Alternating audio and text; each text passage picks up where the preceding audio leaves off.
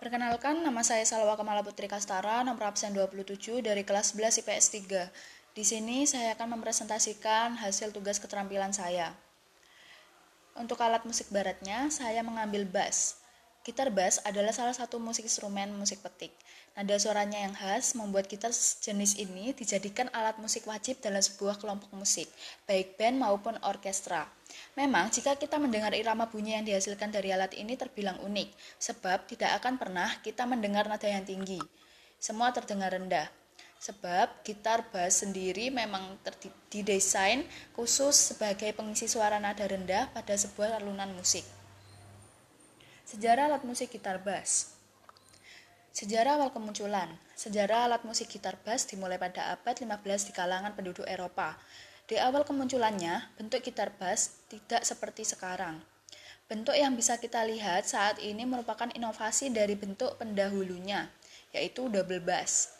Bentuk fisik dari double bass sendiri tergolong besar, bahkan untuk memainkannya haruslah orang dewasa dengan cara mendirikannya. Tujuan alat musik ini didesain dengan bentuk yang besar adalah agar suara yang dihasilkan juga besar. Hal ini wajar sebab saat itu belum ditemukan alat musik elektrik. Karena dirasa kurang praktis, praktis, terlalu berat dan memakan tempat, bentuk double bass mulai dikembangkan.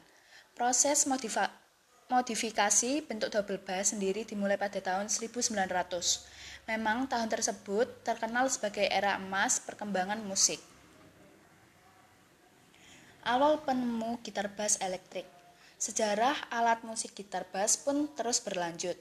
Pada tahun 1920, sebuah perusahaan alat musik Gibson melalui layot lawar menciptakan double bass elektrik. Inilah perusahaan yang menjadi cikal bakal lahirnya gitar bass elektrik seperti yang kita kenal saat ini. Tentu saja dengan dibuatnya double bass elektrik akan mendukung program pengecilan ukuran dari alat. Sebab untuk menghasilkan suara yang besar tidak perlu membesarkan suaranya lagi karena di, su, karena sudah disupport dengan perangkat listrik. Era inovasi desain gitar bass. Setelah ditemukannya double bass elektrik, inovasi alat ini terus dikembangkan. Dimulai pada tahun 1930, Paul Tumart melakukan desain ulang terhadap alat ini. Tujuannya untuk membuat inovasi double bass dengan di, dengan desain yang lebih simpel dan praktis. Pengembangan inovasi desain pun terus dilakukan hingga menjadi bentuk gitar bass yang kita kenal saat ini. Era pengembangan perangkat gitar bass. Setelah, setelah melakukan pengembangan bentuk desainnya, orang mulai berpikir cara inovasi perangkat penduduk pendukung gitar bass. Proses inovasi ini dimulai pada tahun 1950 saat Leo Fender menemukan bass presisi. Bass presisi inilah yang mencikal bakali gitar bass saat ini. Kelebihan bass ini adalah jika dikolaborasikan dengan amplifier lebih fleksibel, sehingga bisa dimainkan dengan jenis musik apa pun. Selain bentuk dan perangkat tambahannya, ternyata bass juga mengalami evolusi pada jumlah senarnya. Pada tahun 1959, jumlah senar bass ada 6 senar, sedangkan pada tahun 1964, Fender memperkenalkan model bass dengan 5 senar. Nah, barulah pada tahun 1968 dirancang gitar bass dengan 4 senar, seperti yang kita kenal sampai saat ini.